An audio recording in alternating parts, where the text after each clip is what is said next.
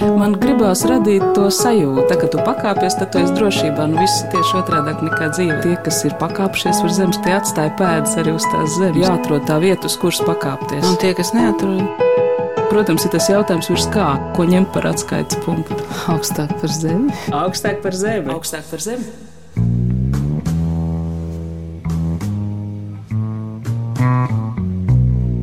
Fragments no grāmatas Jaunība, poēmas rokenrols, nodaļas koncerts. Grupā ar varoni iznāca laukā uz melnajiem skatuves dēļiem, kur publika šalca kā bangaina jūra un prožektors zaigoja līdzīgi saulei. Tad bundzinieks piesita takti un trijotne uzsāka spēlēt, bet pēkšņi ar skanīgu paukšķi kā petārde varonim pārplīsa stīga.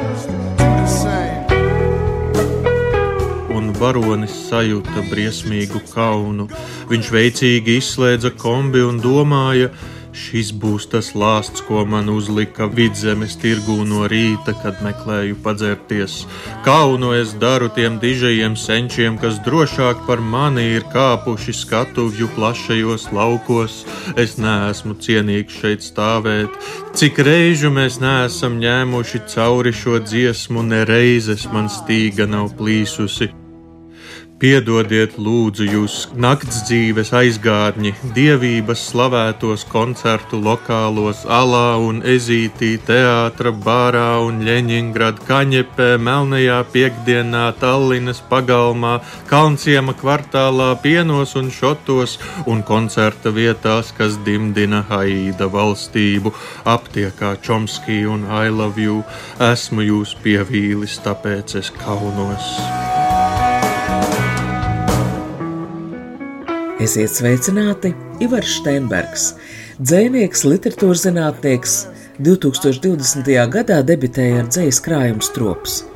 Tagad iznācis viņa otrais dzīslu krājums, jaunība, un kā tā anotācijā teikts, tas ir veltījums autoru paudzei, kas uzaugusi 21. gadsimta sākumā.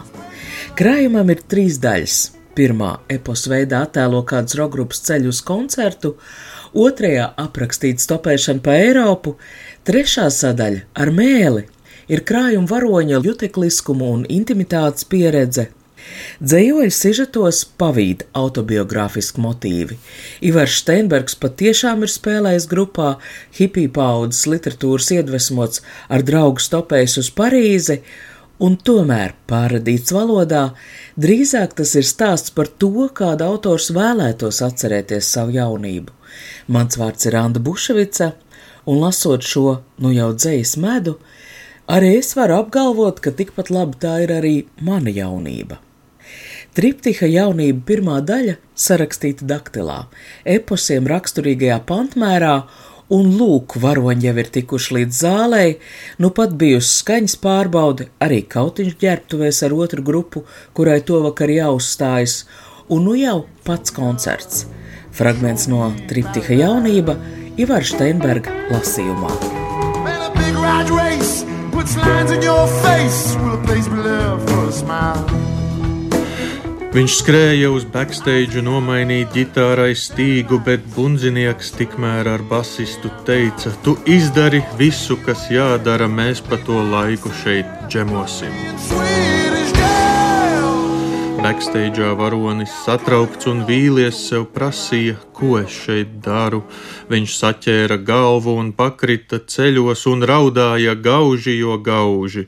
Tev vienaudži tikuši stradiņos, zviedros un citur, bet tu tikmēr ļurini blūziņus, atcerot dziesmas, kas pieder pie laika, kas sen jau ir pagājis, tā it kā tā būtu karjera. Varbūt man visa tā mūzikas lieta ir jāmet pie malas, un varbūt man jāmaina dzīves stils, jānogriež mati un jānoliek tiesības.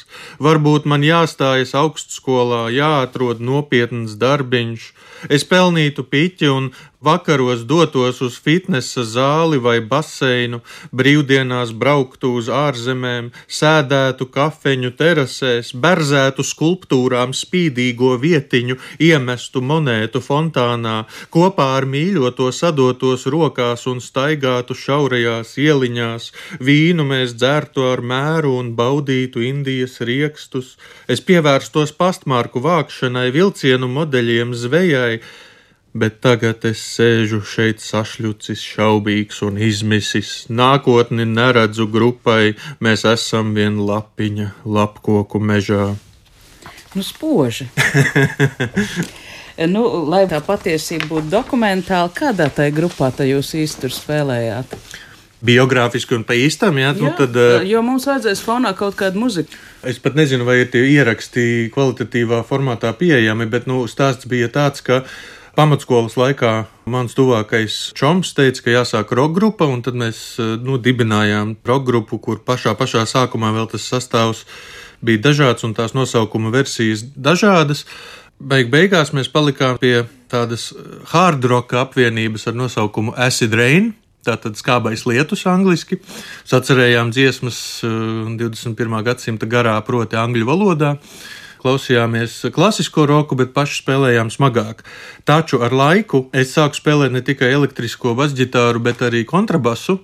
Un mēs sākām spēlēt uz ielām un spēlēt cover mūziku, respektīvi citu izpildītāju gabalus, lielākoties no nu, rokenrola zeltēras, rockabilly gabalus un tam līdzīgi. Un to grupu, kas spēlē coverus, mēs nosaucām par Čeholu, kas bija nu, otrā grupa, ar kuru mēs pelnām naudu uz ielām, vai krogos spēlējot kā house bands sestdienās vai piekdienās pa četrām stundām no vietas un tam līdzīgi. Neilgi pirms es atstāju grupu, lai sāktu pilnvērtīgāk nodarboties ar literatūru, šīs abas pasaules saplūda kopā, un eh, mēs sākām rakstīt oriģinālu mūziku, kas apvieno tādu hard roka sensibilitāti ar to rockabilly. Tas hibrīds tika nosaukts par The Big Bluff, jeb Lielais Blefs. Un šī grupa tādā transformētā veidā turpina eksistēt arī mūsdienās. We'll be asked to write a poem, and what will you do? I gotta stop predicting the fate of the world every time I'm taking a.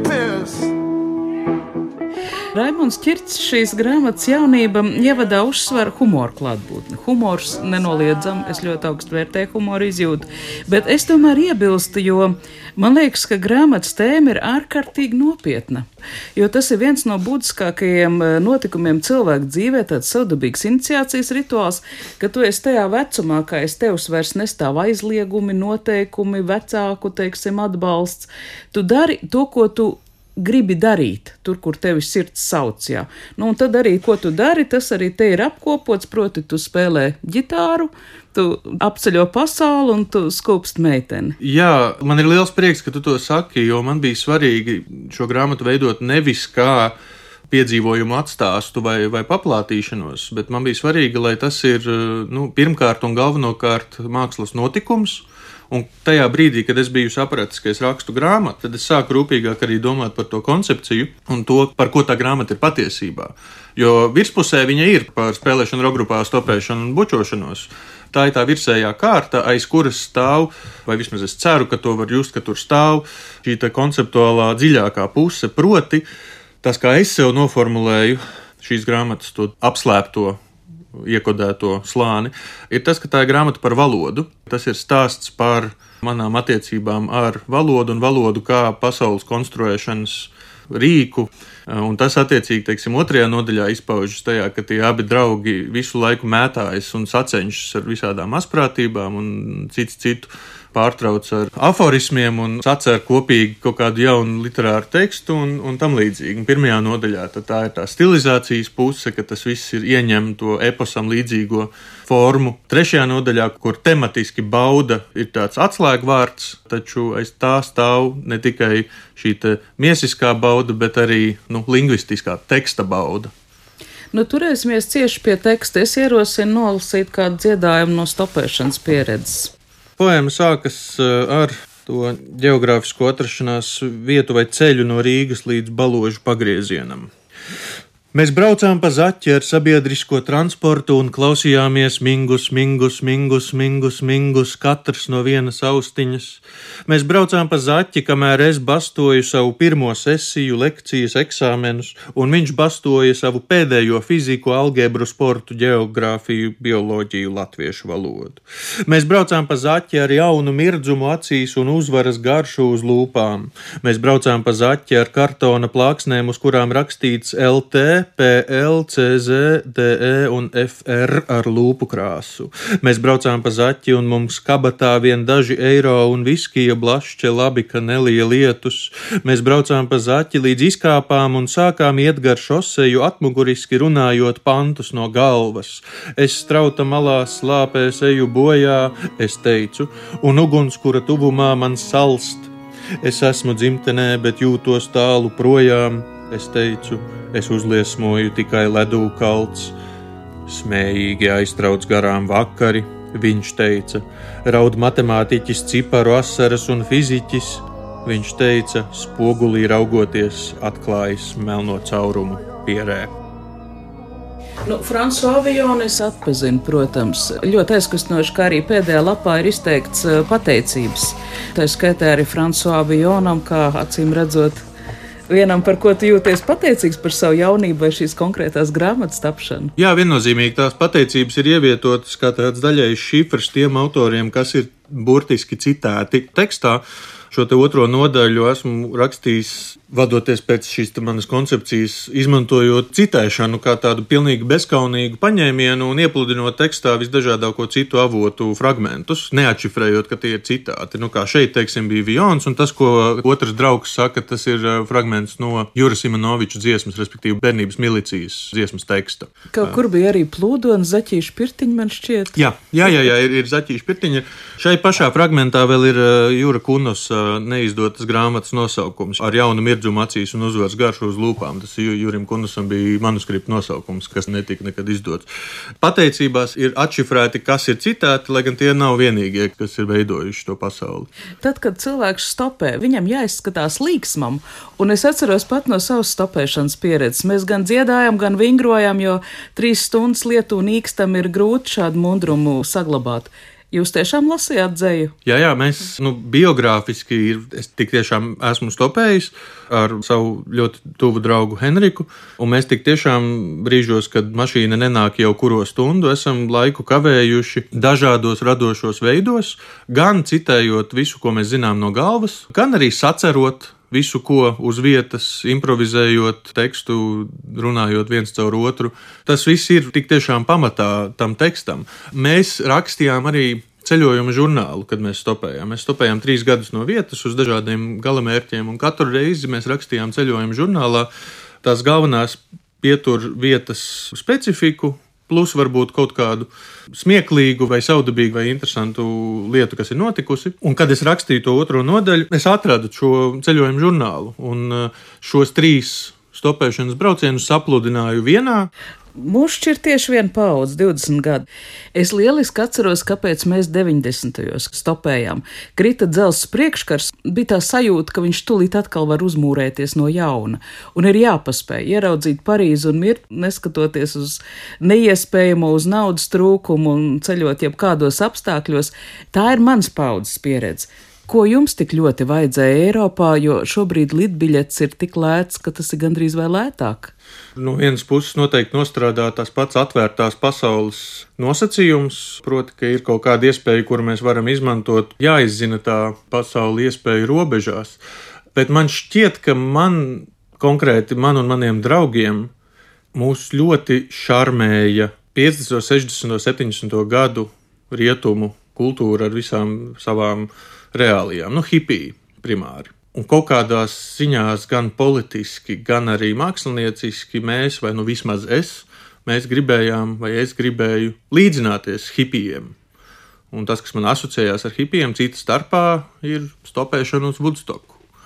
Plus, tas arī bija vecums, kad es intensīvi lasīju un uh, interesējos par rietumu autoriem. Tur nepārprotami ir brīdī, kad mēs kaut ko par modernismu lasām, tur figurē Parīze un Prāga. Tās lielās pilsētas parādās kā tādas vietas, kur ir koncentrējušies šie visi modernisma ģēniji un, un sēdējuši savos kabarē un tam līdzīgi. Un tas viss šķita kaut kā ļoti pievilcīgi, un uh, kaut kāds žēlums par to, ka tas laiks ir zudis un vēlme viņu tā kā mazliet imitēt caur paša dzīves pieredzi, pieņemt. Tad, kad es domāju par to, kādai ir jābūt šai nodaļai, es atcerējos tādu Lorenzu Stērnu, 18. gadsimta autors. Viņa slavenākais romāns ir Tristrama Šendija džentlmeņa dzīve un uzskati, bet viss šis romāns būtībā sastāv no atkāpēm. Tad viņš pasaka, nu, ka viņš pastāstīs par dzīvi un uzskatiem Tristramam Šendijam. Bet uh, reāli Tristrams Šendijs piedzimst kaut kur ceturdaļā. Viņš nonāk līdz dzimšanai tikai jau, kad grāmata ir labi, labi iesākusies. Jo visu laiku viņš atrod kaut ko, kur atkāpties, kur aizplūst tematiski, formāli vai nu, kaut kā citādi novirzīties no galvenās domas un galvenās sižeta līnijas. Un es sapratu, ka es kaut kādu tādu netiešu atsauci uz šo paņēmienu vēlos arī šajā darbā. Tā rezultātā to telpu veidojot ne tik ļoti fiziskajā plāksnē, bet nu, tajā tekstuālajā. To tekstu jau veido tās muļķības, ko tie stopētāji viens otram saka. Bet pārējais ir mēģinājums izstāstīt stāstu, kas sastāv primāri no atkāpēm. Un atkāpes vispār šķiet ļoti interesants literārs paņēmiens. Ja viņš veiksmīgi ir iznests, viņš literatūras vēsturē ir tāds slēptais dārgakmenis. Stopēšana tas nozīmē, ka visu laiku notiek kustība. Un šai kustībai var izsekot tīri geogrāfiski, dzējas sadaļu nosaukumu patiešām veido kārtē izsekojumu trajektoriju un vienlaikus dzīs ritms, plūstošas, klabošas vai aprauts rindas, ļauj gandrīz fiziski sajūtam izsekot tam, kā notiek kustība. Kad aiz mašīnas logņirb ainavs, kad ceļotāji iestrēgst bezizējā, kad ir atpūtas vai apskaidrības mirklis. Teksta materiālitātes ziņā otrajā daļā, tā kā tur ir ļoti daudz citātu, tur ir ļoti dažādi, un tur nav ievērotas stingras uh, formas, stingras metrs. Uh, viņš drīzāk ir rakstīts brīvajā pantā bez interpunkcijas. Teksts ir attīrīts no jebkādiem komatiem vai punktiem, tādējādi radot vairāk tādu plūdumu, kas dzenas uz priekšu visu laiku. Nu, līdz ar to tur īsti nevar runāt par stingru pantmēru. Tur vēlme bija mazliet izskatīties pēc tādiem modernismu eksperimentiem, nu, tādu seriālismu dzēju vai tam līdzīgi. Ir viens gabaliņš, ko es lasu regulāri tikai tam dēļ, ka man viņu patīk uh, skaļi izpildīt. Tas ir moments, kurā abi draugi ir tikuši līdz uh, Varšavas piepilsētai. Viņi ir izmesti šoseis malā, un tad uh, mēģina nostupēt kādu garām braucošu mašīnu, bet neviena mašīna nestājas. Tā gaidīšana vairāk stundu garumā pārvēršas par uh, tādu, tādu absurdu dadaismu dzējoli. Labdien, vai jūs braucat mūsu virzienā? Labdien, vai jūs varētu mūs paķert līdzi? Labdien, vai jūs runājat vāciski? Labdien, vai mēs varam sēsties aizmugurē? Labdien, vai jūs varētu mūs aizvest līdz robežai? Labdien, vai jums būtu kaut kas, ko paklausīties? Labdien, vai jūs varat mūs ielaist savās mājās, savā dzīvē? Labdien, vai mēs varētu pievākt jūsu skūšanās putas? Labdien, vai mēs varētu? Slapjdien, labdien, vai mēs varētu apēst jūsu bērnus? Vai mēs varētu uzpīpēt ar jums dinamīta stienīšus kā cigārus? Vai mēs varētu kopā ar jums pārģērbties par kentauru? Labdien! Vai mēs drīkstētu krabģdien, iedod cepumus šņabdien, naba, laba, naba, daba, diena, nakts, glup? Pakapa lapa blakts, au, au, vuš un zum, zunbāts, zunpēc, kuku pūpēdus, jolifanto bambla, o falibambla, grosigam fabla, orem, egiga gorāmen, higo bloikoru sula, huju hollaka hollala, miķeļbāka, matīs krauja murkšķediena, kaķpēdiņa, A, B, Kļaks, prauslā šļakta un ar šņeku snipu nakcik fak neviena mašīna nestājas. Tad, kad tu teici, ka tu esi, lai sagatavotu šo krājumu, veids izpētes darbu, ko tu īsti pētīji? Tad, kad es, kā jau teicu, sapratu, ka tai grāmatai ir jābūt par valodu, nu tad tā izpēta primāri bija lasīšana. Es lasīju dažādus literārus tekstus, kuri bija aktuāli noteiktajā vecuma periodā, un kuri sasaucas ar to, kādu to tekstu es vēlos veidot. Piemēram, pirmās nodaļas sakarā, nu, es palasīju tādas, to, ko es zināju par modernajām iterācijām, epikas žanram. Piemēram, poļu dziniekam Tomašam Ružītskim ir tāda grāmata 12 stācijas, nu, un tur, teiksim, vienā nodaļā ir tā ļoti patosāli aprakstīts, kā gatavo pīrādziņus. Man tas likās fantastiski. Un es sapratu, ka es vēlos kaut ko līdzīgu, ka es vēlos nozagt šo patosu no tā, ko viņš raksta, bet man vajadzēja vēl to reālo pamatu, uz kura tas pats Ružitskis balstās. Nu, un tad es lasīju, piemēram, Kalevalu, Somu nacionālo eposu. Teiksim, Igauniem ir Kalevs dēls, tad viņa tētis ir Kalevs augšā uz, uz ziemeļiem. Laicens, ja nemaldos, latviešu tulkojas. Nu, tur savukārt ir no folkloras materiāla salipināts kopā alus brūvēšanas epizodes arī uz vairākām lapusēm par to, kā dara alu. Laikmetīgais pieejams, plus tā folkloras tradīcija dziedāt par alus brūvēšanu, nu tad to es mēģināju sintēzēt pirmās nodaļas apakšnodaļā alus dzeršanu. Nu, un tam līdzīgi tādi pie, piemēri var būt vairākās vietās grāmatā, ja kur ir kaut kas nozagts no viena teksta, kaut kas nozagts no cita teksta, un kaut kas vēl pa virsmu ir burtiski nocitēts. Tu pat pieminēji šķiet Homēra, kas ir citēts šajā Jā. sadaļā. Nu, es varu Homēra citātu nolasīt. Tas varbūt Jā, nav no mēģinājuma, tas ir no alus dzeršanas. Nodaļa, kas apraksta to, kā viņi ienāk bārā un uh, bārmenis viņiem piedāvā alu. Es nelasīšu visu, bet to vietu, kur viņi satiek bārmeni. Pie klientiem pienāca bārmenis milzīgu bārdu kā pērkona tēvam, tā sapīta bizē un rotāta nameja gredzeniem saktām un prievītēm. Labajā rokā tam tetovēts jumja raksts, divvārpu zīme, kas vēsta par bagātiem labības laukiem ar briedušām druvām, it visur uz bicepsiem pļāvēji strādā ar sirpjiem un izkaptīm, kūlīši citi pie cita aiz vāliem tur noguļas zemē, un kūlīšu sējēji tūdaļ tos sašņorē cieši ar salmiem. Uz pleciem šim bārmenim redzams, kā saucēji sagādā mielastu visiem zem ozola žuburiem, sacērtot gabalos vērsi, kas upurēts dieviem, bet saimnieces izkaisa miltus, lai pļāvējiem pusdienas būtu, un tālāk uz kakla tam brīnišķīgs dārs, kas ir pārpilns ar sulīgiem augļiem, tur spīgojas ķekari melni, kas noliecas zemu uz mirdzošām sudrabas staklēm. Šis ir no Iliādas, kur ir aprakstīts Ahilēja vairoks, kad Ahilējs zaudē savas bruņas. Viņam vulkāna dievs rada jaunu vairogu ar ļoti detalizētu gravējumu virsū, kur desmitu desmitiem rindas ir veltīts, lai aprakstītu visu to, kas uz Ahilēja vairoga notiek. Un šeit ir neliels fragments no tā paņemts, bišķiņ, bišķiņ pamainīts, lai aprakstītu alus bāra bārmeņa tetovējumu.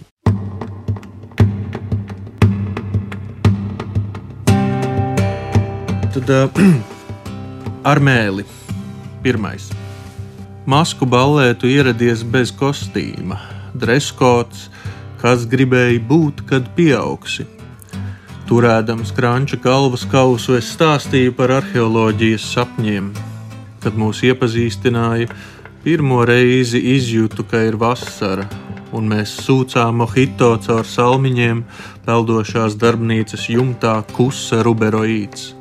Sarunātu mani pamazām izģērbi, kā drupinot pelēku brūnu iezi ar mazu kaltu un āmurīti, lai atklātu fosīliju tavas sejas ovāls, šī mandele ieaugusi atmiņā līdzīgi lilā laukumiem, ko pēc skatīšanās saulē redzam ar aizvērtām acīm.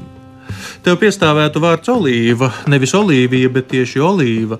Es beidzot pateicu, momentā nožēlodams bezskaunību, taču tu tik noplandīji savu rakstainā lakatas spārnu, lai situāciju labotu, sāku plātīties Vai tu zini režisoru Apičatpongu Veras Setakulu? Tu mātišķi pasmaidīji un teici, es zinu visu. Vien tagad, aptuveni 5500 dienas vēlāk, saprotu, cik smagi tev bija staigāt bez maskas, citos uzreiz ieraugot to, ko paši varbūt pat nenojaušam, slēpjam. tavs kaklā iekārtais krustiņš kā poligrāfa adata melu detektorā reģistrēja katru svārstību. Esmu kļuvis par ko līdzīgu šādai adatai, tikai lēnīgs šaubīgs. Mans rokraksts grīļojas, tāpēc izmantoju klaviatūru. Es gribu atrast vārdu, ar ko tev pateikties, bet visu laiku nonāku atpakaļ pie tā paša tu. Sanāk, to dienu tu mani aizsviedi kā bumerangu cauri gadiem, un nu esmu atgriezies.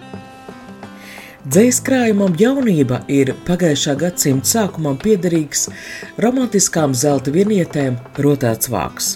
Tad lūk, šāds pārlaicīgs cēlmetāla rāmis dzējā tagad radīts Ivar Steinberga jaunības pieredzēji. Par to sudraba rāmīti kaut kādā ziņā, nu sevišķi varbūt par trešo nodaļu runājot, tas, ko es rakstu tādā personiskā, privātā griezumā, ir bijis, lai piefiksētu nevis to, kas ir bijis, bet uzrakstītu to, kā es gribu to atcerēties. Es rakstu ne tikai to sudraba rāmīti kaut kādam faktam, bet to pašu faktu sev uzkonstruēju tādu, kādu es pats viņu vēlos sev. Saprotu, ko es saku? Ja? Rakstot trešo nodaļu, tik tiešām bija vēlme rakstīt par to, kas, manuprāt, arī nav bieži iznests latviešu dzējā mūsdienās. Proti, ne jau tikai par eh, erotiku, bet vienkārši intimitātes meklējumiem dažādās dimensijās. Tas iedvesmas avots tā saucamā grēksūdzes eh, dzēja, kurai līdzi nāk vesela vēsture, vesela, vesela tāda estētiskā programma, un, nu, kas iekļauj ne tikai kaut kādus poetiskus apsvērumus, nu, tas, kā tas teksts būtu jākonstruē, kā tur strādāt ar tēliem un tā, bet tas nāk kopā ar dziļi ietekmējošu psihoemocionālu kustību, kuru es vēlējos arī tajā nodaļā ielikt. Ja tā visa grāmata tiek skatīta kā triptiks, ja, tad tā doma bija, ka pirmā nodaļa ir visvieglākā. Nu, otrajā jau tur varbūt ieskanās kaut kādas nopietnākas tēmas, bet tā vispersonīgākā un dziļākā tā ir trešā nodaļa. Un savukārt tas fokus arī to nodaļu laikā piezūmojas, jo pirmajā ir runa par viņiem trešajā personā, tad ir es un viņš divatā, un tad ir viens es, vai varbūt citā skatījumā viens tu, kas jau ir trešajā nodaļā tas koncentrētais fokus. Par vannu es neesmu lasījis, nekur labi es nolasīšu. Mūsu vecā čūna vanna ar dzeltenīgiem nosēdumiem, bobsleja ragaviņas, ziloņkaula raķete. Es zinu, Kad tu ej vannā, tu stāvi kājās, dušodamās, tāpēc, protams, esi Venēra milzu gliemežnīcā, saputot rožūdeni pie potītēm. Kad es eju vannā, es atguļos un iegremdējos ar pakausi pa priekšu, it kā mani kristītu baptistu priesteris un pūšu no deguna burbuļu strūkliņu. Reiz mēs mēģinājām vannā iet reizē, bija ļoti maz vietas, mēs bijām kā zirņi baltā pākstī. Vanna ēd mūsu sviedrus un matus, laiž caur sevi mūsu nobersto miesu dienas nogulsnes. Kad vannas istabā ir pustumsa, bieza kā šķidrās ziepes, un no virtuves caur lodziņu ieplūst vīraks un Luīs Armstrongs, viss šķiet plūstošs, bet pati vanna stingri nostājusies uz četrām metāliskām kājām. Zemestrīce to nespētu iedangāt Vakarā ieiet vannā, tas nozīmē apstāties, gluži kā Fausts to būtu gribējis. Mēs varam strīdēties, alga mainīties, internets pazust, bet vanna paliek stabila kā meža cūka zemē iecirstiem nagiem, gatava skrējienam. Vanna tā ir laiva, kas stāv uz vietas, kamēr apkārt okeāns kustas. Ar Ivaru Steinbergu sarunājās Anna Buševica, par šī raidījuma skaņu gādāja Valdes Raitums. Triptiks jaunība - brīnišķīgs veikums dzējā. No sirds uzskatu, ka tas, ko mēs saucam par es, veidojas attiecībās ar citiem. Mūsu izpratne par mums pašiem veidojas caur to, kā mēs spoguļojamies draugos, paziņās, ģimenē un tam līdzīgi. Tā kā lielākoties es sev tīri labi patīku, pārsvarā, nevienmēr, bet pārsvarā, tad es esmu ļoti, ļoti pateicīgs par tiem cilvēkiem, kas bijuši man uzaugot blakus un, un, un jaunībā līdzās, un ar kuriem ir bijusi iespēja biedroties, un, un cilvēki, ar kuriem joprojām esmu ļoti labs draugs. Tā tā grāmata, protams, ir mans mēģinājums arī uzrakstīt lielu paldies čomiņiem, vai uzrakstīt slavas dziesmu draugiem, draudzenēm un, un tam līdzīgi. Paldies! Tā kā tu pakāpies, tad tu esi drošībā. Nu, viss ir tieši otrādi nekā dzīve. Tas ir tā spēle, jā. Tie, kas ir pakāpšies uz zemes, tie atstāja pēdas arī uz tās zemes. Protams, ir tas jautājums, ko ņemt par atskaites punktu. Nu, Principā ir skaidrs, augstāk par zemi. Jāatrod tā vieta, uz kuras pakāpties. Augstāk par zemi. Augstāk par zemi. Augstāk par zemi.